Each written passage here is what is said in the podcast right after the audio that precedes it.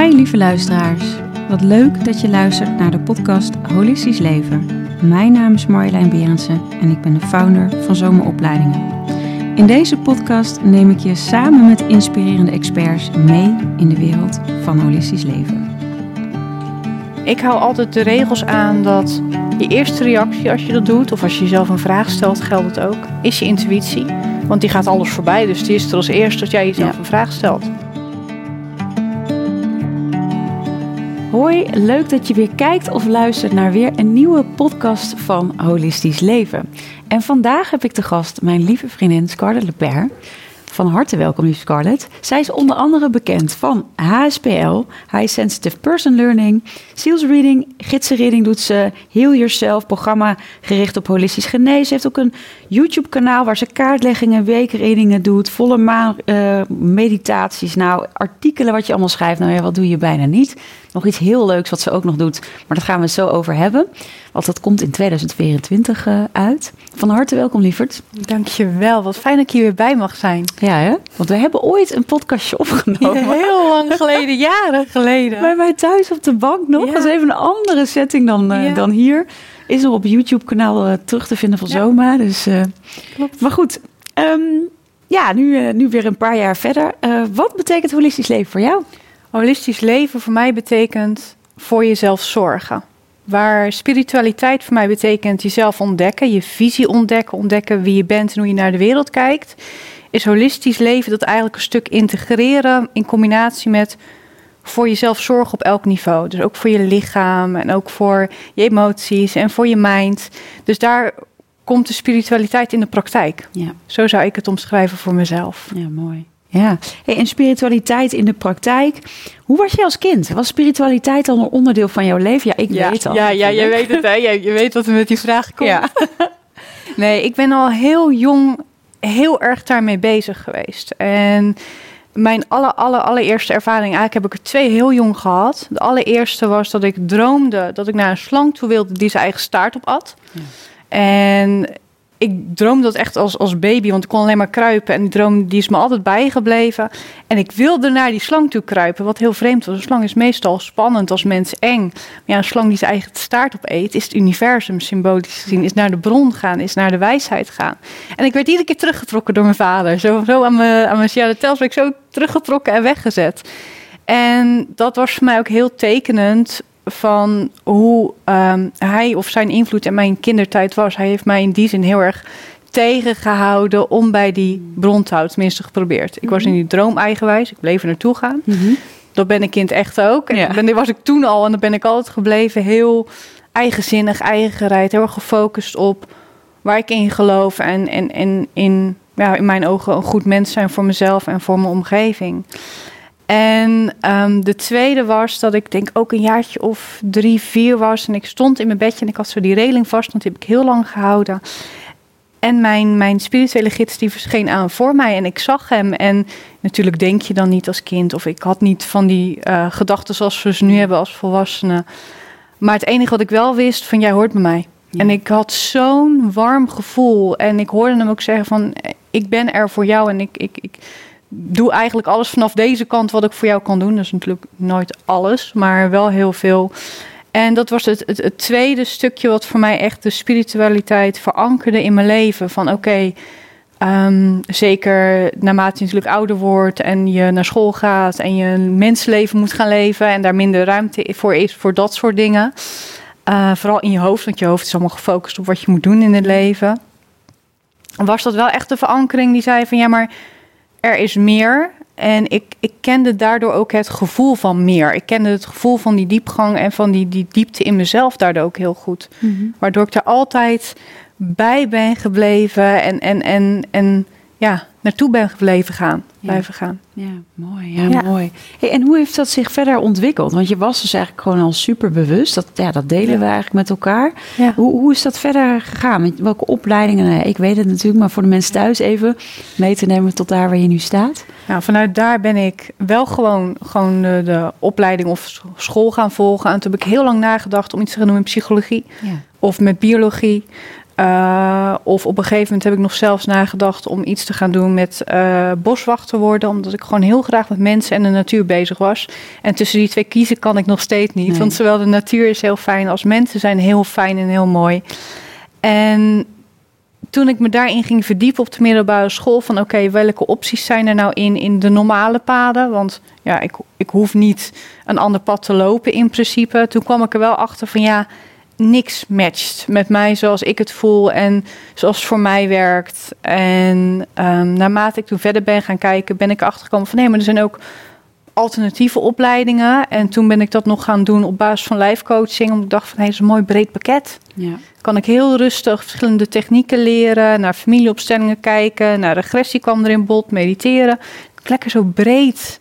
Er mist wel een stukje spiritualiteit erin, maar wel heel breed het mens zijn onderzoeken. Daarnaast een medische basis ook gedaan, omdat ik het menselijk lichaam nog steeds zo interessant vind. Zo mooi hoe dat functioneert. Dus ben ik ook rustig in gaan kijken. En daar ben ik eigenlijk zo in gaan proeven en gedacht: ja, maar ik mis toch nog het stukje spiritualiteit, het stukje diepgang op dat niveau. Dus zat wel heel veel diepgang in, maar ik mis nog net even wat bij mij past. Mm -hmm. En toen ben ik dat eigenlijk gaan zoeken in hypnose. Ik heb heel veel hypnoseopleidingen ook gedaan. Uh, vandaar dat ik ook zo van mediteren hou, want dat ligt natuurlijk eigenlijk heel dicht tegenaan stiekem. Meditatie vind ik een prachtige tool. En vanuit daar ben ik eigenlijk steeds meer de spirituele kant op gedaan. Healingopleidingen ook gedaan, edelstenenopleidingen ook gedaan. Uh, toen ben ik op een gegeven moment ook een praktijk gestart. Met begonnen met magnetiseren, met healingen, met, met, met ook mijn eigen methodes daarin ontwikkelen en mijn eigen ding daarin doen. En dat was super leuk. Alleen mijn lijf gaf aan van waanzinnig dit, maar dit is niet wat jij blijft doen. Uh, ik kreeg toch wel een beetje vooral last van mijn handen. Dat ik dacht van hé, hey, dit is buiten dat ik het leuk vind en ook in, in mijn buik voelde ik, het is niet alles. Mm -hmm. een goede start. Nou, vandaar ben ik eigenlijk steeds verder doorgegroeid, of, uh, doorgegroeid in wat ik nu allemaal doe. Ja. Dus dat is echt die basis waar we ooit begonnen zijn. Ja, ja, prachtig ook. Want wat doe je nu het liefste van wat je doet? Wat doe ik nu het liefste? Nou, ik vind schrijven waanzinnig leuk. Ja. Maar dan komt ook werkstukken maken waanzinnig leuk vind. Ik zit ook elke dag alle wetenschappelijke artikelen te lezen. En dan de spirituele artikelen te lezen. En, en de bladen te lezen. Omdat ik ja, alles interessant vind. En ik vind dat zo waanzinnig mooi om dat dan voor mezelf samen te vatten. En die samenvattingen, daar maak ik dan eigenlijk artikelen van. En die plaats ik dan op mijn website. Dan denk ik, ja, dan heb ik het toch ook kunnen delen wat ik vandaag weer ontdekt heb. En wat ik ook in mezelf tegengekomen ben. En de video's opnemen dan voor HSPL, wat je net ook al benoemde. Ja. Maar dat is eigenlijk hetzelfde, want dat is eigenlijk een stukje verdieping van de artikelen van... hé hey jongens, maar dit zit er spiritueel ook nog achter als ja. je dit onderwerp oppakt. Dus ja, dat blijf ik altijd het leukste vinden om uh, mee bezig te zijn. Ja, want dat delen we ook wel, hè? De, de, de HSP. Ja. ja, de L heb jij dan nog erbij. Um, ja, vertel. Want um, voor veel mensen is dat natuurlijk uh, best wel iets wat lastig is. Ook zeker in deze wereld waar, uh, waarin je merkt dat um, de prikkels enorm zijn. Ja. Denk aan social media en alles daaromheen. Hoe, hoe ga jij daarmee om? Welke tips zie jij van nou, dit is wat echt wat voor mensen. Misschien even goed, wat betekent HSP eventjes voor de eerste? HSP, ik, ik probeer de term de laatste maanden steeds meer los te laten, omdat er te veel verschillende definities van ontstaan mm -hmm. zijn. Dus ik denk dat dat ook wel goed is om te ja. beginnen van wat is mijn definitie Even de basis, dan, zodat ja. we hem allemaal op dezelfde basis staan, op hetzelfde plateautje staan. Voor mij is het gewoon gevoeliger zijn voor prikkels. Mm -hmm.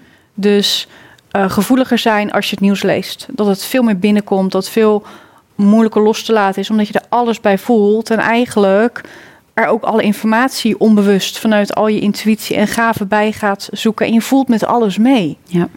En daardoor weet je ook heel veel en meer, maar je voelt het ook allemaal. Dus het is echt de, de, de gevoeligheid en de impact die het op je maakt. Waar iemand anders zegt van, oké, okay, ik ga weer door met mijn dag. Ga jij ook wel door met je dag, maar je voelt het nog steeds. Ja. En dat heeft natuurlijk ook heel veel moois. Want als je door hebt wat je allemaal voelt... en als je door hebt wat je allemaal oppikt en weet... en dat weet te channelen en dat weet in te zetten, dan krijg je een hele diepe mooie flow in je leven.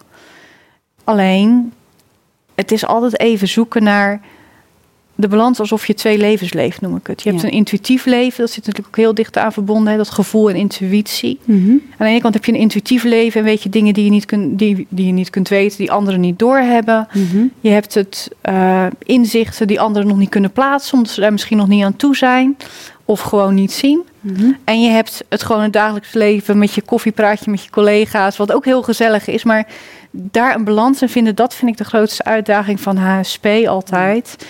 Plus die prikkels ontprikkelen. Ja. Dat zijn Ja. de twee uitdagingen voor mij als ik kijk naar hooggevoelig zijn of HSP. En wat kunnen de mensen daarmee? Vertel. Ik hou het heel simpel, dat weet Ja. je. Maar ik wil heel, heel, Ja, heel concreet. heel ja. concreet te blijven. En altijd iets te vinden waarvan mensen zeggen van... ja, maar Scar, zo simpel kan het niet zijn. Want dan weet ik dat ik het toepasselijk heb gemaakt... en dat het makkelijk in de dag te integreren is. En voor mij is het echt even opschrijven...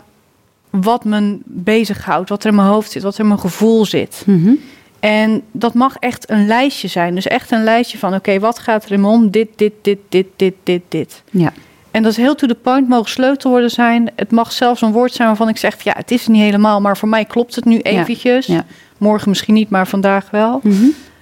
En dat ik dat even lees. Van oké, maar dit zit er allemaal in mijn hoofd nu en in mijn gevoel. Want dat mag ook door elkaar heen gaan. In mijn lichaam mogen nog dingen tussen zitten. En dat mag ik gewoon weggooien. Ja.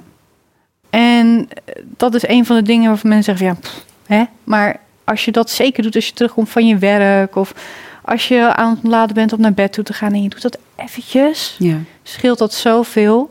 En daarbij even mijn handen wassen. ja. Handen wassen, lijstje maken. Ja. Wat uit je hoofd kan. En dan vaak een conclusie trekken van... oké, maar wat ik dus eventjes wil onthouden daarvan is dit. Ja. Is dit of één of twee dingetjes... van hé, hey, ik voel aan dat dit gebeurt... of hé, hey, ik merk dat dit mij stress geeft... moet ik even in de gaten houden de komende dagen. Ja.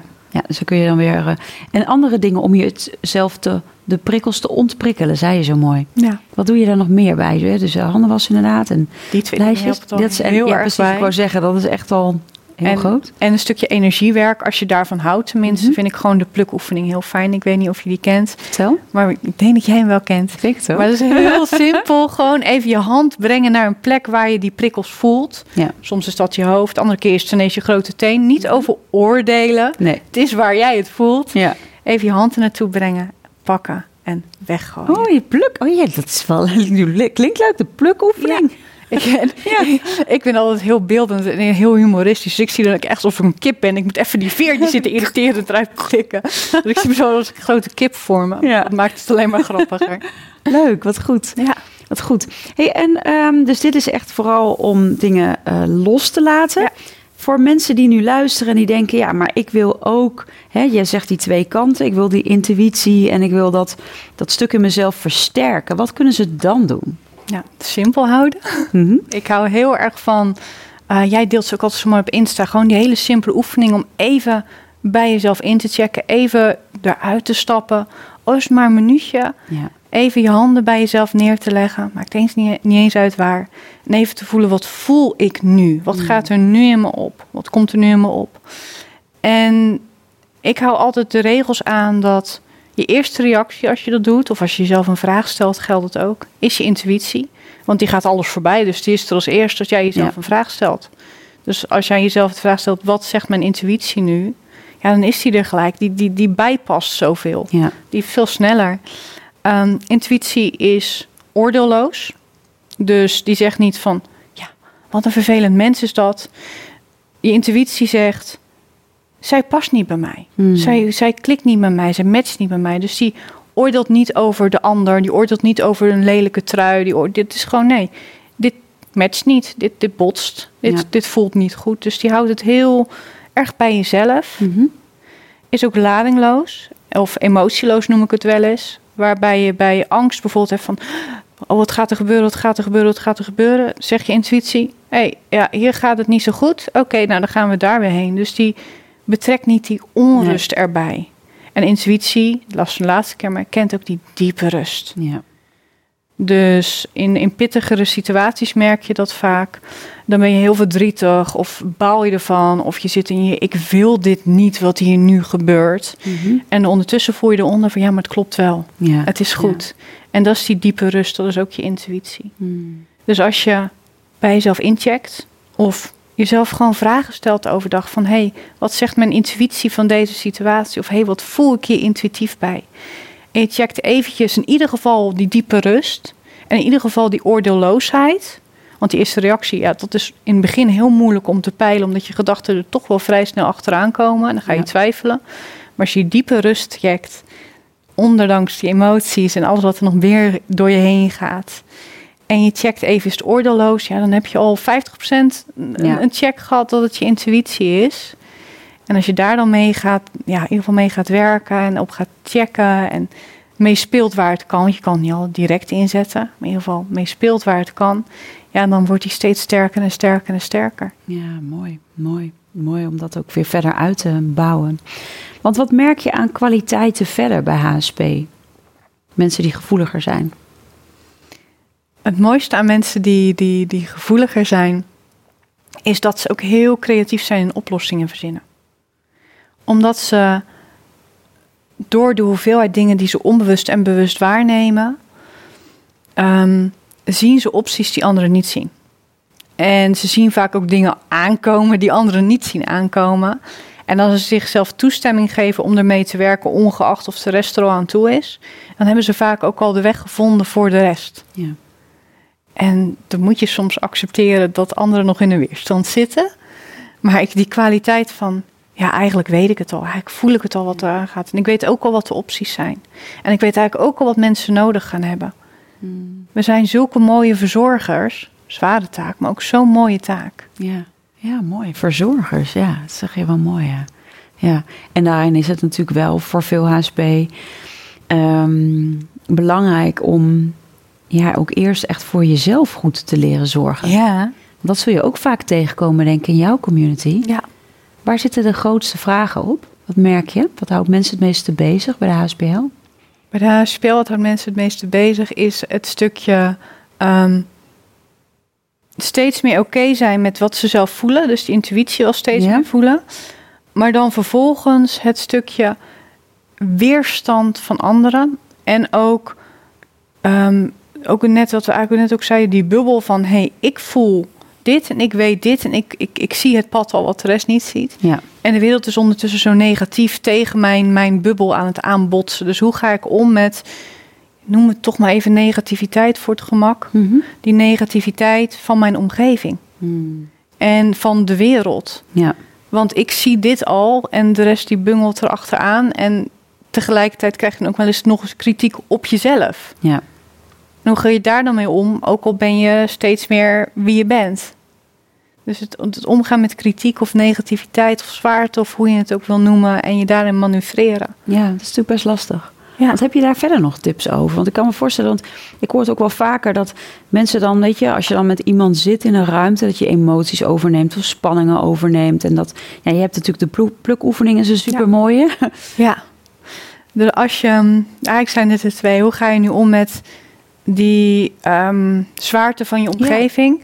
En hoe ga je mee om in een situatie dat je direct bij iemand zit? Ja, ja, ja. De eerste van hoe ga je om met die zwaarte van de omgeving en dat alles zo binnenkomt. Um, daar zitten vaak twee dingetjes van jezelf onder. Alles wat binnenkomt is een spiegel. Ja. Zegt iets over wat er in jou de aandacht vraagt. Dus wat jou van buiten raakt, in alle twee die situaties, mhm. moet je naar binnen kijken van ja, maar wat raakt het en wat, heb, wat heeft mijn systeem, mijn zijn, van mij daarin nodig? Mhm. Want ik word met een reden komt dit binnen. Ja. Het heeft een ingangetje bij mij. Als we kijken naar het grotere geheel van de omgeving of de wereld, hebben we vaak ermee te maken dat we onszelf niet goed genoeg vinden. Ja. Dat we het gevoel hebben dat we niet goed genoeg doen, dat we niet genoeg doen. Um, dus ergens hebben we geen goedkeuring van onszelf. Hmm. En dan sla ik het een klein beetje plat. Precies, maar wel, ja. Daar zit hij meestal ergens. En ja, toevallig de oefening die, die ik wil delen, die sluit hier ook heel mooi bij aan. Maar die goedkeuring aan jezelf gaan geven is een heel belangrijk. Hey, ik doe het goed. Ik, wat ik doe is ook goed genoeg. En ik ben goed genoeg. Hmm. Want die wereld komt zo binnen omdat iets in ons toch nog bezig is met een stukje aansluiting zoeken waar we geen aansluiting kunnen vinden. Om toch nog een beetje erkenning en goedkeuring en bevestiging te krijgen. Ja. En dat heeft vaak ook zijn redenen. Maar werk aan die goedkeuring naar jezelf toe en die erkenning van jezelf is dan heel erg belangrijk. Gaan we dat straks als oefening doen? Ja. Oeh. En als iemand direct tegenover je zit, bijvoorbeeld Ja. op een verjaardag of als je met vriendinnen gezellig op stap bent, dan is het heel erg kijken van, nou oké, maar wat neem ik nou letterlijk aan gevoel of aan over. klacht, lichamelijke klacht kan het ook zijn, neem ik over. Hmm. Want dat is letterlijk iets soortgelijks, hoeft niet 100% hetzelfde te zijn, maar iets soortgelijks aan wat je zelf, wat je in jezelf de aandacht vraagt. Dus als je vermoeidheid overneemt of je loopt erop leeg, dan is jouw energiepotje hetgeen wat de aandacht vraagt. En dan is de kans ontzettend groot dat het of in voeding zit of in slapen zit al. Ja? Ja. Dat je zelf ook minder energie hebt, bedoel je dat? Ja. Ja. Ja, even buiten dat je dan energie aan het geven Ja. bent omdat je Ja. het wil helpen. ja. Of door erkenning te krijgen. Ja, maar heel vaak zit die ook ergens, heb ik de laatste twee, drie jaar heel erg gemerkt, dat die dan toch ook aan voeding en slaap verbonden zit ergens. Als nou verdriet is, ja, dan zit er een onbestemd verdriet wat aan jou de aandacht vraagt, wat je ooit geparkeerd hebt. En dan weet je misschien eens meer wat voor een verdriet het was. Maar nu wil die eruit en nu ziet hij de ingang om eruit te komen. Jee, dus het soort van trigger waar die aan gaat vastkleven. Ja. Zodat jij ook dan tijd neemt en ruimte pakt om jouw eigen verdriet op te ruimen en aan te kijken. Ja. Mooi. Ja, want je kan meeleven, maar het is niet zo dat je mee gaat lijden. Nee, nee. En empathisch zijn en meeleven, dat is gezond. Maar als je merkt van, maar ik word ook helemaal intens verdrietig, ja, dan zit dat verdriet ook in jou. Ja, ja. En die verdrieten van elkaar zijn dan maatjes aan het worden. Die voeden elkaar dan, die denk vinden elkaar wel leuk. Ja. Hey, gelijkgestemde, gezellig. Ja, want inderdaad, het kan natuurlijk in jou raken, alleen maar raken als het in jou nog niet opgeschoond is. Precies. En heel vaak zit er dan ook nog een overtuiging ergens van, ja, maar ik moet er toch, toch door geraakt worden. Ik ben toch gevoelig. Ergens zit er meestal bij HSP'ers en ook bij, bij spirituele mensen überhaupt de overtuiging van, ja, maar als ik niet verdrietig word van het verdriet van een ander, dan ben ik niet oké. Hmm. En daar zit die goedkeuring dus ook weer. Ja, ja, dat komt ook Want weer ik, ik, ik ben toch empathisch, ik moet toch lief zijn. En het is toch ehm, egoïstisch of gevoelloos of bijna narcistisch als ik er niks bij voel. Ja. Maar je kan iets heel erg vinden, maar niet meegaan in het gevoel. ja, niet meelijden. Precies, je kan zeggen, oh wat verschrikkelijk. En ik, ik, vind het, ik voel het ook echt als verschrikkelijk.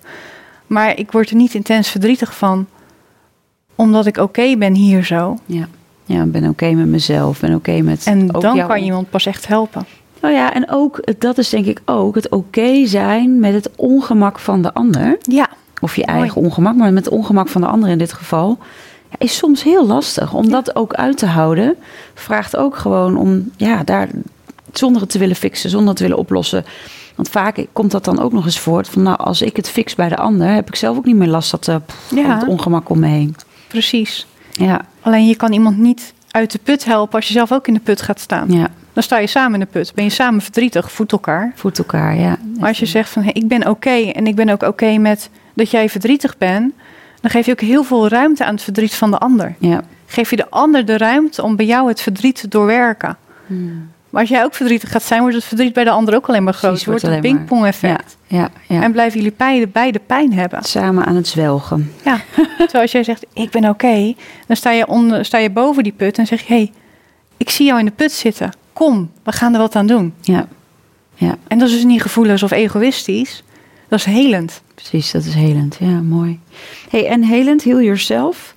Ja, daar ben je natuurlijk ook heel erg eh, mee bezig. Hè? Het helen van jezelf. Wat merk je dat vooral, ja, los van wat je net al zei, hè, de goedkeuring en erkenning en, en jezelf misschien niet goed genoeg vinden. Waar zijn de meeste thema's op gebaseerd wat geheeld mag worden en aangekeken worden? Misschien ook wel specifiek in deze tijd waar we nu in leven. Heel vaak zit er toch nog dat we familiethema's aan het opruimen zijn. Doorgegeven punten uit generaties. Maar wat ik ook merk, en die wil ik eigenlijk ook heel graag benoemen, ehm, is een vertekend beeld op wat heel zijn is. Wat geheeld zijn is. Ergens is er een, een, een beeld ontstaan, tenminste bij mensen die ik spreek, dat geheeld zijn inhoudt dat je je elke dag gelukkig voelt en oké voelt. Hmm. En dat je elke dag top in je vel zit. En dat nooit iets je meer raakt.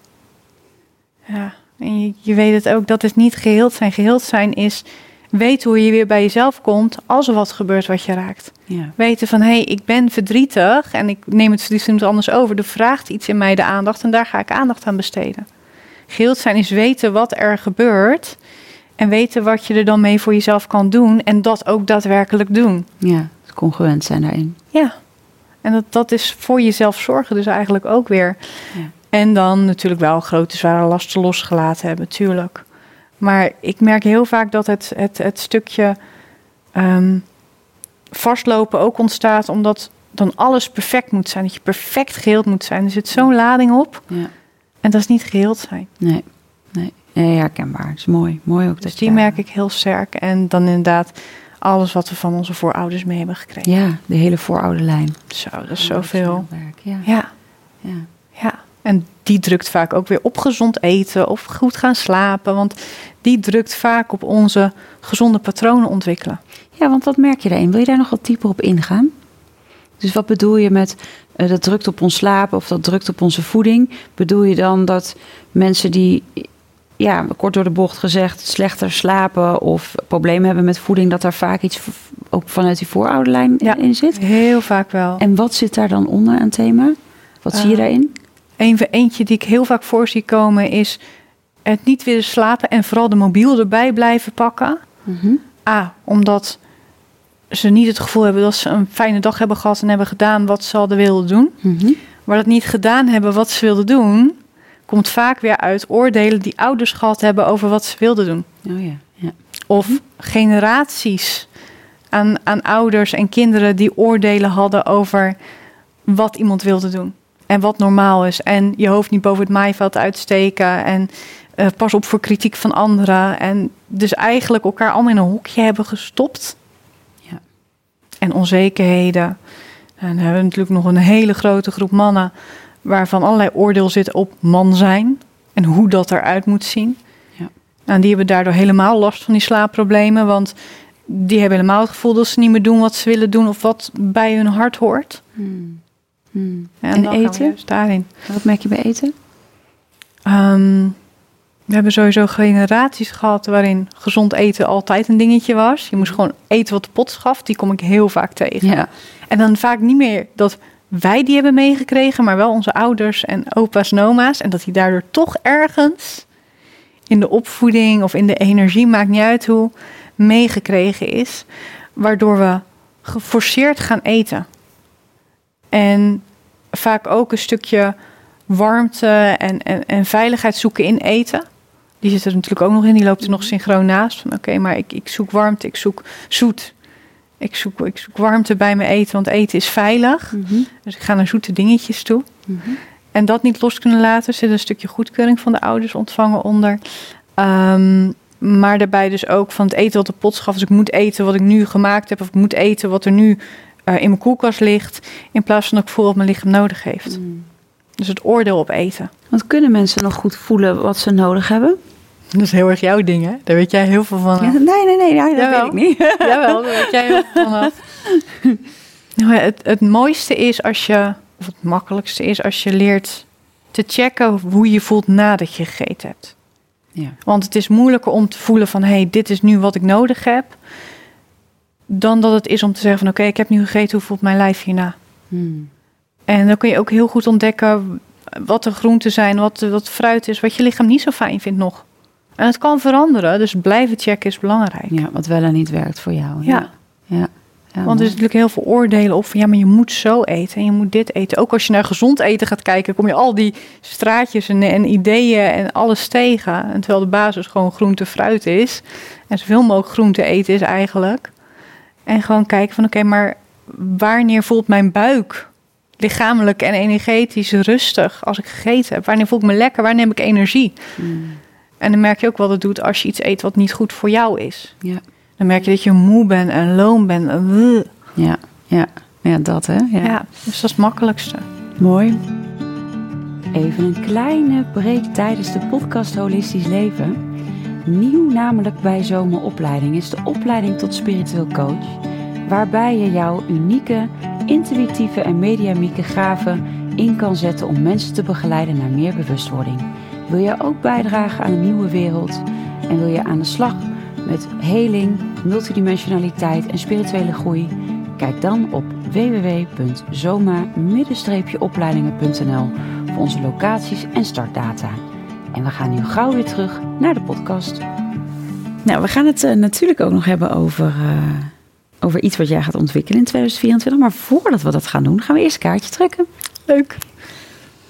Er staat een vraag op, die mag je beantwoorden. Nou, ik weet al de hele tijd welke het wordt. Die wordt het. Die wordt het. Die kijkt me de hele tijd al aan. Met wie zou je uit pure nieuwsgierigheid een kopje koffie willen drinken? Poeh, die vind ik um, heel erg lastig. Um, met wie zou ik uit pure nieuwsgierigheid een kopje koffie willen drinken? Ja, ik ben iemand die dan altijd al gewoon uitgereikt heeft. Ik zeg, nee, maar ik wil met jou eens een keertje in gesprek Zelfs een bekend iemand of een onbereikbaar iemand... of misschien wel iemand die overleden is. Wat zou je dan vragen? Of wat zou je dan willen? Dan denk ik dat ik het heel dicht bij mezelf ga zoeken. Mm -hmm. En dan zou ik heel graag met mijn opa nog eens een bakje koffie willen drinken. Omdat hij overleden ook was toen ik vrij jong was, toen ik ook kind was. En omdat ik daardoor vrij weinig van hem weet, maar wel alle oordelen weet die er over hem zijn, alle meningen weet die er over hem zijn. En ik heb natuurlijk wel mijn eigen gevoel, mijn eigen dingen, maar als het dan toch zou mogen, dan zou ik wel eens willen weten hoe hij het leven nou gezien heeft en, en, en, en hoe hij nou ook gewoon werkelijk is. Hmm. Dat is ook een hele gevoelige, wijze man was het, ook een heel spirituele man was het. Ging uh, tegen iedereen's kritiek in gewoon naar de magnetiseur, want daar geloofde hij in. En die deed ook echt op zijn eigen manier eten, want zijn lichaam had dat nodig. Mm. Dus die was zo lekker koppig daarin ook. Dus ik denk ook echt wel dat dat een. Uh, ja, ik ben ook heel benieuwd hoe hij de huidige wereldsituatie zou zien. Ja. Want hij heeft natuurlijk zoveel meegemaakt, ook de Tweede Wereldoorlog meegemaakt. En ik denk dat hij daar best wel een hele hoop mooie dingen over zou kunnen zeggen voor om nu onze rust te vinden. Mm. Mooi. Ja. Mooi. Kijk, zo, zo komen we toch uh, tot een mooi antwoord. Um, nou, dan komen de luisteraarsvragen. Leuk. Uh, ja, kom maar door. Ja, dat vind ik leuk. Uh, even kijken, we hebben al wat, wat, wat vragen, zie ik hier. En... Even kijken hoor. Dat is wel leuk, want ik heb al best wat vragen gesteld over hoogsensitiviteit. Er komt veel over hoogsensitiviteit binnengekomen. Uh, ja, ik ben benieuwd naar jouw aanpak bij het begeleiden van hoogsensitieve mensen. Hoe stem je jouw advies op, af op hun specifieke behoeften en uitdagingen? Mooi. Ja, ik hou altijd daarin ook van, dan noem ik het de spiritueel-holistische aanpak. Omdat wat ik altijd heel erg belangrijk vind, is om te kijken wat naar iemands energetische invloeden zijn. En toch even het spirituele stuk er voor mij altijd bij pakken. Van, nou, als ik nou naar iemand kijk en ook met iemand overleg uh, ik kijk altijd naar van wat heeft iemand nou meegekregen vanuit zijn voorouders. En ik sla vaak ouders over. Dat klinkt misschien heel gek. Maar ik kijk altijd naar die, die generaties erachter. Want dat zijn de patronen die het diepste in ons zijn zitten. Mm -hmm. Ouders zitten toch vaak een beetje in ons hoofd of zo mm -hmm. qua invloed. En voorouders, de generaties erachter, zitten meer in ons energieveld, in ons hart en in, in onze gevoelsleven op diepere niveaus. Um, ik spreek ook altijd even naar vorige levens, wat we daarvan mee hebben genomen. Want dat is zo ontzettend interessant. Wat voor een, uh, ook wat voor een talenten we daarin hebben meegenomen. Hoor. Want heel vaak heeft onze ziel ook gezegd van... Ja, maar toen deed ik zoiets gaaf, dus dat wil ik nu weer proberen te doen. Mm. Dus ook de positieve invloeden daarvan, buiten de, de blokkades daarvan op te sporen. En dan kijk ik ook heel erg van, ja, maar waarvoor op zielsniveau, waarom is iemand hier? En dat kan inderdaad mensen helpen zijn. Maar heel veel mensen zijn hier gewoon om liefde te brengen. Hmm. En we kunnen het meeste en het beste vaak liefde brengen op plekken waar liefde nog heel moeilijk te ontvangen is. Dus heel veel HSP'ers uh, met de zielsmissie liefde brengen, zitten ook op werkplekken waar liefde heel moeilijk te ontvangen is. En waar heel veel spanning is en waar heel veel onrust is. En waar ze zich dus helemaal niet op hun plek voelen. Ja. Maar waar ze dus wel precies op hun plek zijn, ongeacht dat het niet zo voelt. Want daar hebben ze hun ding te doen. Hmm. Dus heel vaak begint het ook daarmee van ja, maar waar heb jij jouw energie te brengen? Waar heb je je energie door te geven eigenlijk? En hoe kun je daar dan weer zelf gelukkig zijn? En jezelf, vooral jezelf gewoon zijn. En, Ja. en content zijn met jezelf en met je leven. En vanuit daar een fijn leven opbouwen. Ja, mooi. Hoe kan hoogsensitiviteit van invloed zijn op je relatie?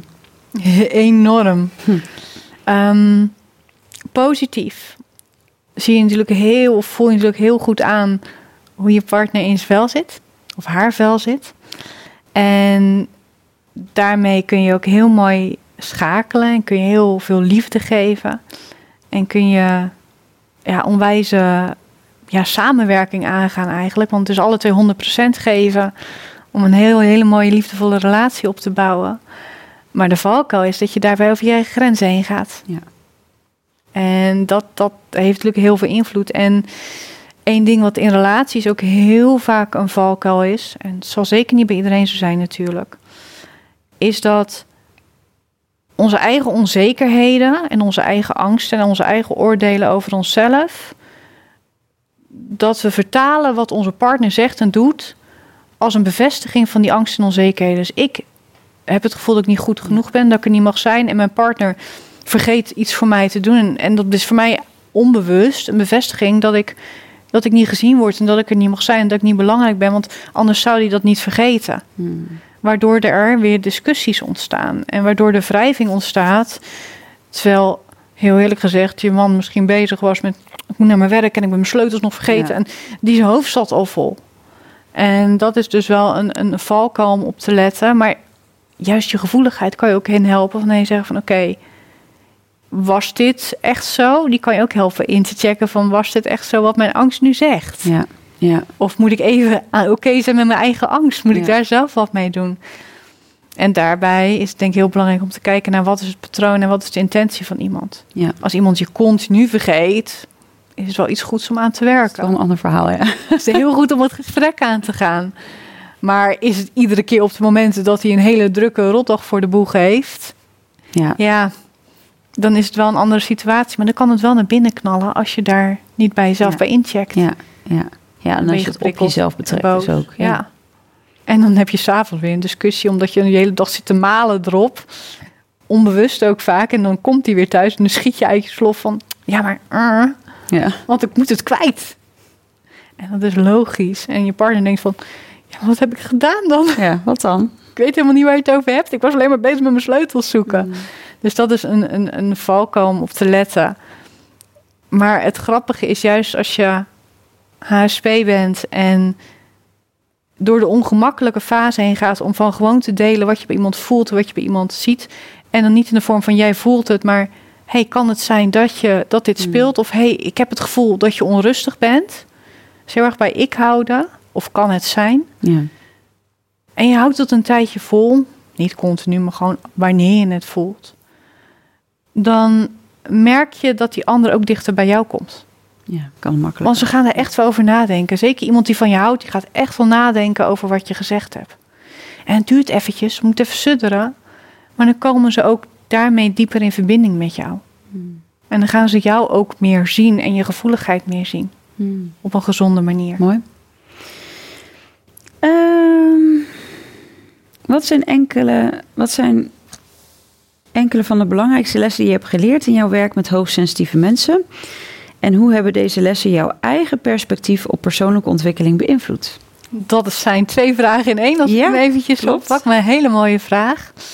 Ehm, hoe gaan we het eerste deel insteken? Kan je hem nog een keer halen? Wat zijn enkele van de belangrijkste lessen die je hebt geleerd in jouw werk met hoogsensitieve mensen?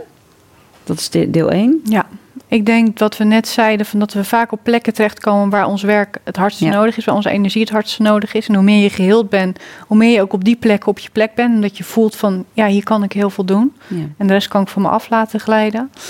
Ehm, het tweede is hoe belangrijk slaap is. Die komt iedere keer terug. Slapen, slapen, Ja. genoeg slapen. Dat maakt zo'n enorm verschil. Hoeveel slaap jij gemiddeld? Tussen de 8 en 9 uur per nacht.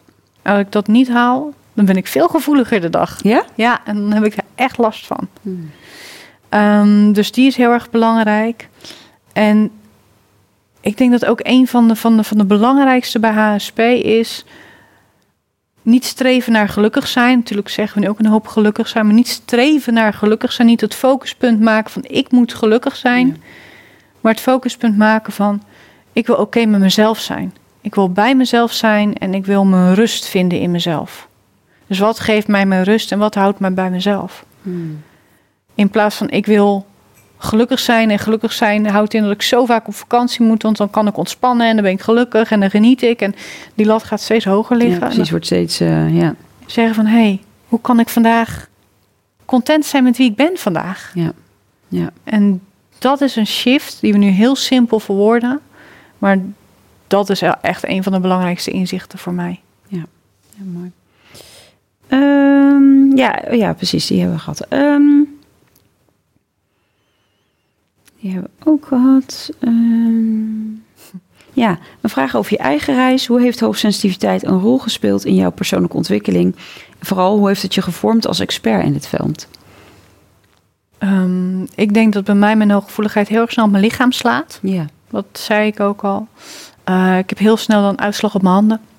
Ik heb ook een, een, een, lichamelijke beperking links. En als ik ook maar iets te ver over mijn grens heen ga, een klein beetje kan wel. Maar iets te ver over mijn grens heen ga, dan merk ik dat, dat mijn lichaam niet meer meewerkt. En dat komt ook door mijn gevoeligheid. Het is meer dan gewoon lichamelijk bij mij. Mm -hmm. En dat zorgt er voor mij heel duidelijk voor dat ik weet van hé, hey, hier moet ik naartoe.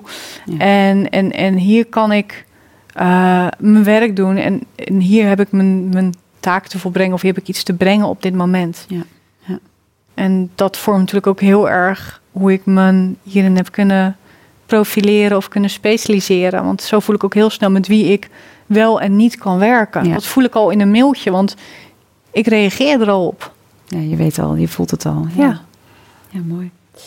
Um, ja, er zijn eigenlijk heel veel over HSP, maar volgens mij... Oh ja, misschien is deze nog leuk.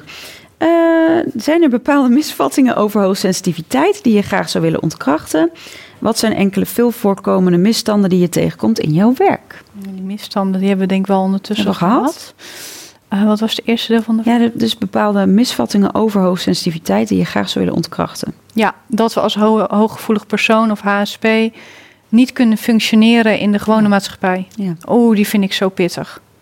Want hoe meer je content bent met jezelf, hoe meer je gewoon kunt functioneren, ook in deze maatschappij. Ja, die herken ik ook. Die hoor ik ook vaak terug, uh, inderdaad. En, en, en, en natuurlijk zijn we bezig de maatschappij te veranderen. En natuurlijk zijn we bezig om die beter te maken. En willen we dat allemaal. Maar we kunnen er nog steeds in functioneren. Hmm. Dat, dat, dat hebben we in ons. Maar daarvoor is dat oké zijn met jezelf is zo belangrijk. Ja. Content zijn. Zelfs met dat lichaam als het niet perfect is volgens het modebeeld. Ja, precies. Als je daar naartoe gaat, kun je ook functioneren op een werkplek die helemaal niet bij je past. Ja, ja, ja. mooi. hey, we gaan een oefening doen. Vertel. Je zei het al eventjes, een klein beetje. Ja, hij sluit ook aan bij, bij een tip die ik zo mee wil geven. Mm -hmm. Hand op je hart. Ja, als mensen thuis uh, ga lekker meedoen. Als je in de auto zit, uh, zet je auto even van de kant. Ja, heel belangrijk. Heel fijn. Oefeningen nooit uh, doen als je in een wat onveiligere situatie zit. Mm -hmm. Altijd op een veilig, rustig moment pakken dat er niks kan gebeuren. Even ademhalen op je eigen tempo zonder iets te forceren.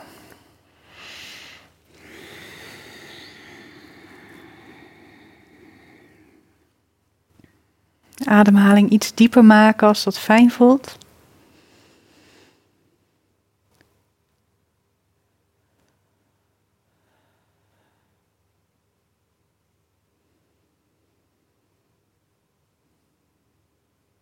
Neem je tijd, niks forceren.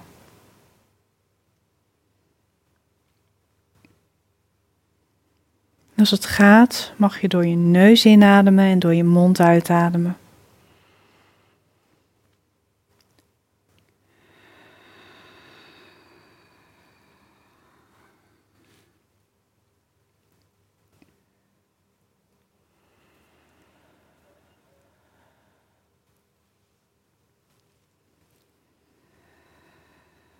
Als er spanning zit, mag je die natuurlijk meegeven aan je uitademing.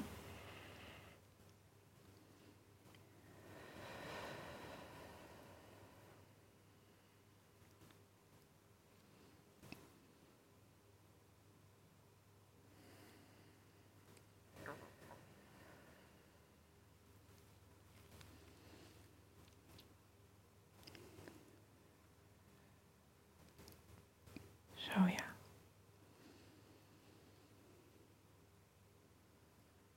Als het lukt, dan mag je visualiseren, je voorstellen dat er in jouw hart een rozenknopje zit.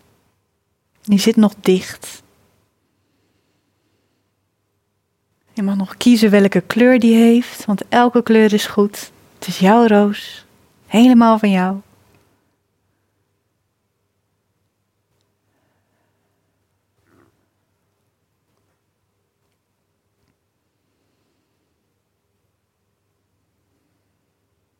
Misschien voel je alleen maar warmte, de warmte van je handen. Dan is het ook goed. Dan mag je beseffen dat die rozenknop de roos wordt van zelfwaardering, van zelfliefde.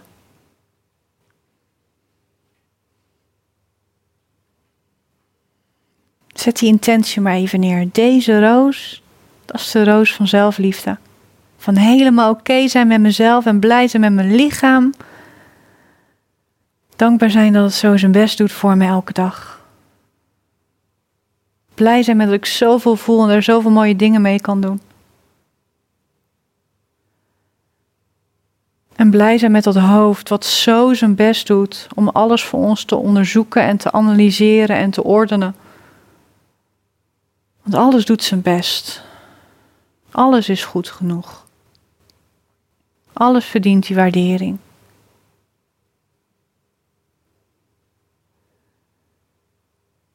Dat is die roos. En als die roos strakjes tot, bloem, tot bloei komt en een mooie bloem wordt, dan groeit dat gevoel alleen maar meer.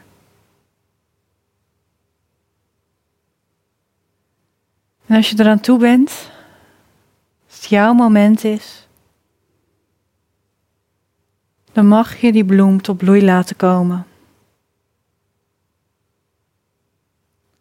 Laat je roos zich maar ontvouwen, blad voor blad. En sta goed stil bij wat dat inhoudt. Wat het tot bloei komen inhoudt. Dat betekent dat je steeds meer van jezelf gaat houden. Gewoon zoals je nu bent. Je hoeft niet meer te groeien. Je hoeft niet te veranderen. Je mag je leven omarmen. Laat die roos maar tot bloei komen, zodat dat gevoel kan groeien. Dat besef kan verankeren.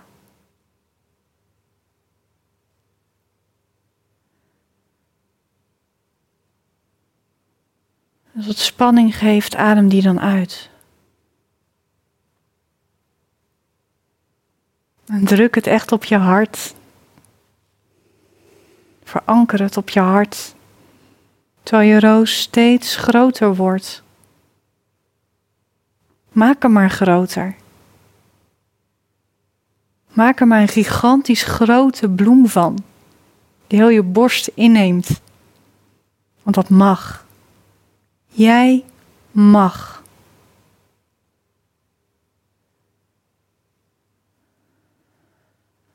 Ontvouw heel die bloem. Ontdek alle laagjes die het in zich heeft.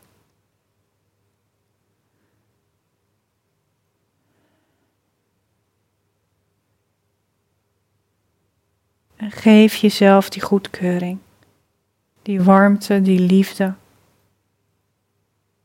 Geef jezelf alles.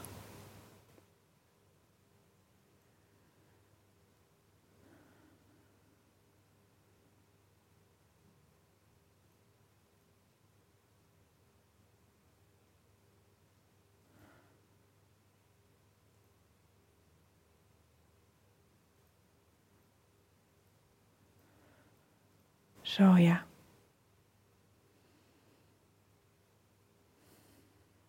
En dan mag je je schouders ontspannen. Je handen laten vallen op je schoot. Dus het gaat met je handpalm omhoog. En even rustig doorademen, zodat de energie kan settelen, dit besef kan landen. Zoek een mooi moment om de woorden tegen jezelf te herhalen, in jezelf te herhalen, die voor jou kloppend voelen. Ik hou van mezelf. Ik ben goed genoeg. Ik ben blij dat ik ik ben. Ik ben zo blij met mezelf.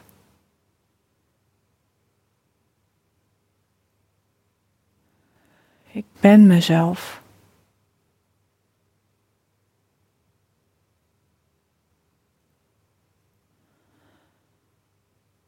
Span je schouders maar iets meer. Dat al die ballast er vanaf kan glijden die je mee verbonden was. Want die heb je losgemaakt. Alsof je een rugzak uitdoet met belemmerende overtuigingen en ballast van je voorouders. Laat me lekker los. Dit is jouw leven.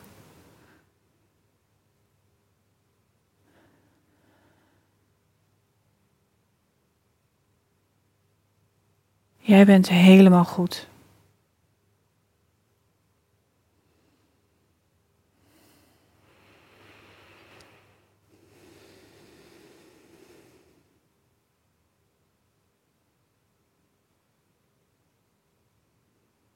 Dan mag je je handpalmen op je bovenbenen neerleggen. En dat gebruiken om weer terug te komen in het hier en nu. Dus door zachtjes over je bovenbenen heen te wrijven. Rustig aan. Haal je jezelf weer terug. En je grondt jezelf ook gelijk zo. Doe je ogen maar open als je eraan toe bent.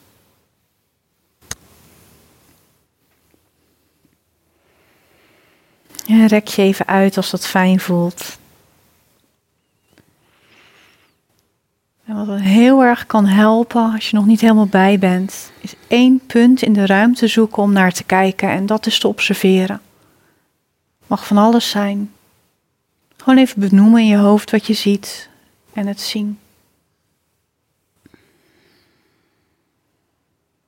Drink zo meteen natuurlijk een goed glas water. Als je een mooi inzicht gehad hebt, schrijf die dan op.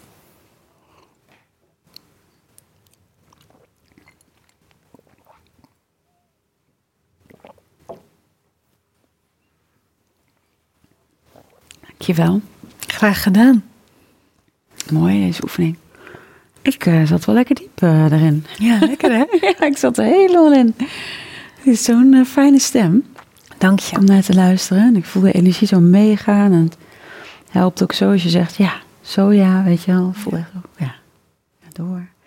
Ja, heel doet het ook altijd goed, weet je. Dat, ik vind het ook altijd zo mooi. En meditatie is gewoon altijd mijn ding. En dat heel veel mensen dan zeggen, ja, maar ik zie niks. Ja, maar je hoeft niks te zien. We gebruiken wel een visualisatie als voorbeeld. Maar als jij die warmte van je handen voelt... en het gewoon met de intentie doet van... ik wil meer van mezelf gaan houden. Ik weet nog niet hoe, maar ik wil het wel. Hmm. Dan werkt het ook al. Ja. Die druk mag er vanaf. Je mag Ja. gewoon ook daarin zijn. Ja, gewoon echt in zakken en zijn. Ja. mooi. Ik kon het heel goed voelen. Dank je wel. Dus ik ben mensen thuis. Ik ben heel erg benieuwd hoe jullie dit eh, hebben ervaren. Wat jullie hebben gevoeld. Dus eh, laat het zeker even weten onder deze meditatie. Ehm jij hebt nog een leuk nieuwtje. Ja, Vertel. ik ben met hele leuke dingen bezig. Dankjewel. Hm. Ehm, wat ik ook gemerkt heb, want natuurlijk heel veel vragen gingen over wat heb ik gemerkt.